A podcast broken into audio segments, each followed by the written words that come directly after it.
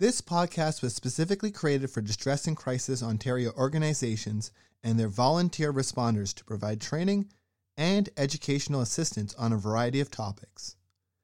As information evolves and changes, these podcasts are meant to offer ongoing support with the goal of updating them on an ongoing basis. We thank the volunteer responders and the contributors to this podcast. Please visit our website, dcontario.org, for more information and how to access free mental health services. Thank you.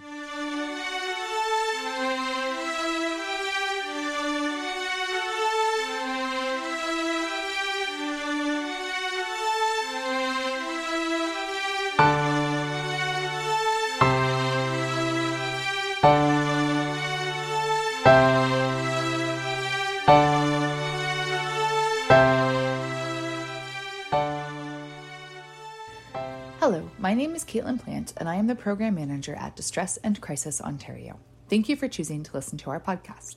I hope everyone has been staying safe and cool as we've been experiencing some really hot summer weather across the province. Remember to stay hydrated, keep out of the sun as much as possible, wear sunscreen when you won't be in the shade, and if you live in a home without air conditioning, try to find a public space like a nearby library or shopping center to cool down in if needed. If you are on medication, check how your meds may interact to increased sun exposure, and don't hesitate to contact your pharmacist or doctor if you have any concerns.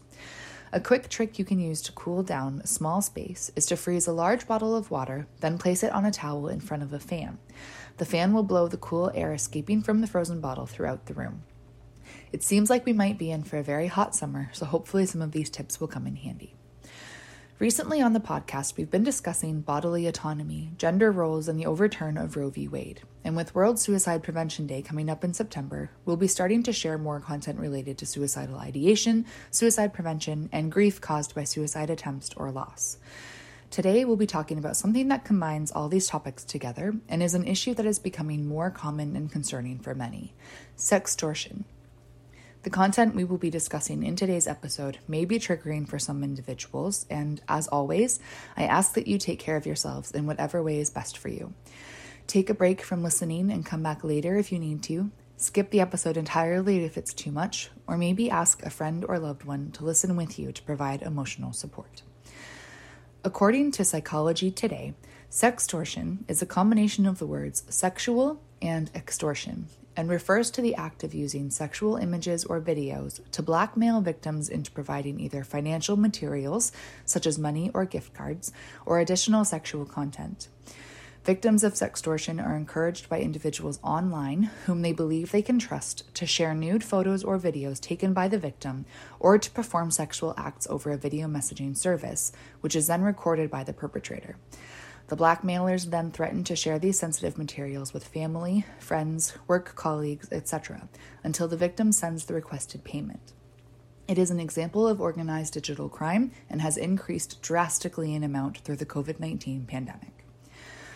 Unlike other forms of sexual crime, sextortion is unique because in most cases, the perpetrator and victim never interact with one another offline, meaning there is no face to face contact. Victims are usually reached out of the blue on either dating sites or social media platforms that are used by many, like Snapchat and Instagram, and often catfish people by posing as someone who is young, beautiful, handsome, and or rich. The content and style of the messages are designed to hook individuals. When a recipient responds, very quickly the conversation becomes flirtatious and sexually exciting and can even feel like a relationship or friendship at times. Trust is built quickly, and in the excitement of the moment, victims are disinhibited and perform sex acts or send sexual photos, causing the damage to be done. Very quickly after the first image or video is sent, perpetrators begin the blackmailing. Although increased reporting has highlighted the increase in sextortion over the past few years, it is very likely an underreported crime as victims feel extremely foolish and embarrassed. Friends, families, partners, and the public are not empathetic in the same way as they might be with victims of other types of crime. However, police and victim organizations are urging victims to report when they have been blackmailed and not to pay their blackmailers. Cybertip.ca, Canada's national tip line for reporting the online sexual exploitation of children and teens, has the following statistics shared on its sextortion page. There was a 150% increase in youth being sextorted between December 2021 and May 2022. On average, the website receives 57 sextortion reports per month, but there were over 100 reports shared in June of 2022. Typically, boys are extorted for more money and girls are extorted for more images. 87% of incidents reported to cybertip.ca affected boys. 77% of incidents occurred on Instagram, Snapchat, or a combination of the two. Based on their reports, they also know that the following is true. It is common for the offender to share screen captures of the victim's contacts or other identifying information, such as school, home, or work address, to scare them into agreeing to send money or more photos. If the victim complies, the extorter will demand more money be paid.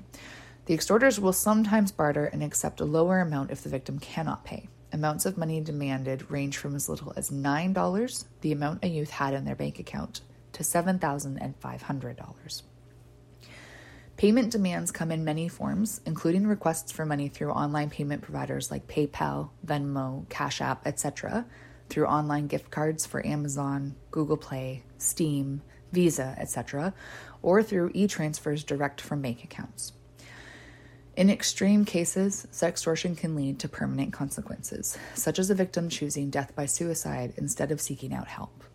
In Manitoba, a 17 year old boy named Daniel was convinced to send an explicit image to someone whom he believed to be an attractive young woman on Snapchat and was then blackmailed almost immediately.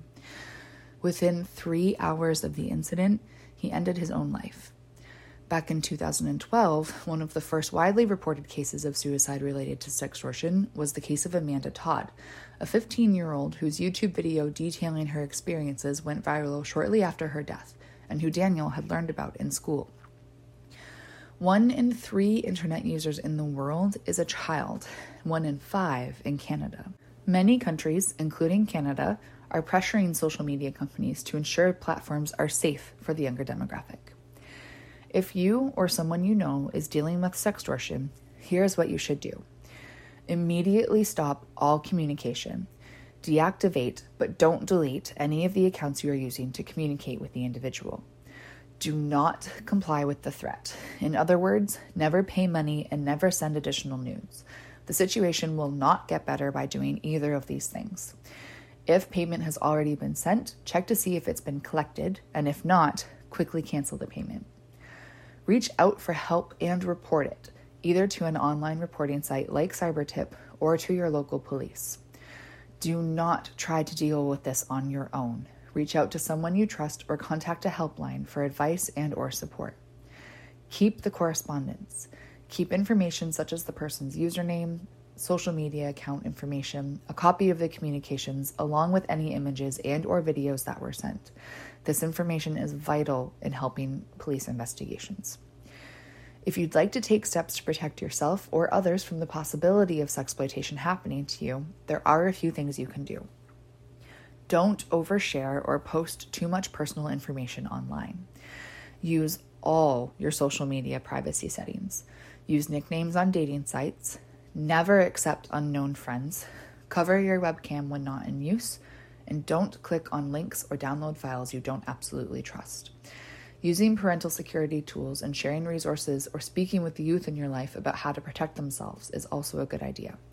A good resource is an article called Online Safety from kidshealth.org, available at kidshealth.org forward slash en forward slash teens forward slash internet dash safety dot html which we will also provide a link to in the show notes.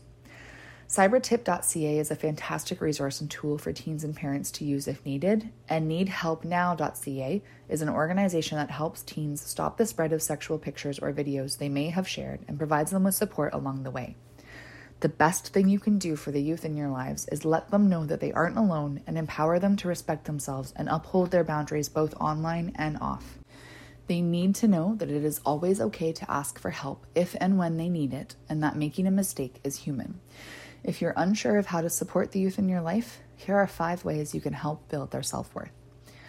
Make sure your teen can rest assured your love does not depend on their grades, performance, friend group, college, or any other factor, including their choices or behavior. When we tie love to performance, we miss the essence of unconditional love, that it is freely given because the youth is enough just as they are. This doesn't mean you and the youth in your life can't make mistakes, have bad days, or have arguments. It's just a reminder that the overall message they should receive is I love you no matter what, through the ups and the downs.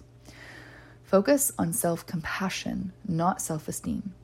Teaching youth to treat themselves with kindness, openness, and acceptance is a healthy alternative to the incessant striving and performance orientation often tied up with the globalized idea of self esteem maybe suggest they listen to our past podcast on self compassion if they'd like to learn more.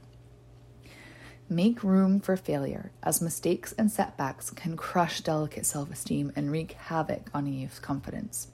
Your voice is essential in these situations. When you criticize, panic, or gloss over a failure, you emphasize a fixed mindset, basically sending the message this bump in the road is a sign that there's no hope for improvement in the future. Instead, take a deep breath and open the conversation with your team. Ask questions like Where did things get off track? What things influenced this decision? What did you learn from this situation? And how are you planning to move forward in a positive direction? Give reassurance as your youth navigates the ups and downs of new and often overwhelming situations. It helps to acknowledge that these challenges are normal Building confidence often means taking bold stands and making decisions that impact peer groups or social standing. Remind your child they are not a bad person for moving on from a toxic friendship or choosing an activity over a boyfriend or girlfriend. Growth and maturity can be difficult, but it doesn't mean they are doing something wrong.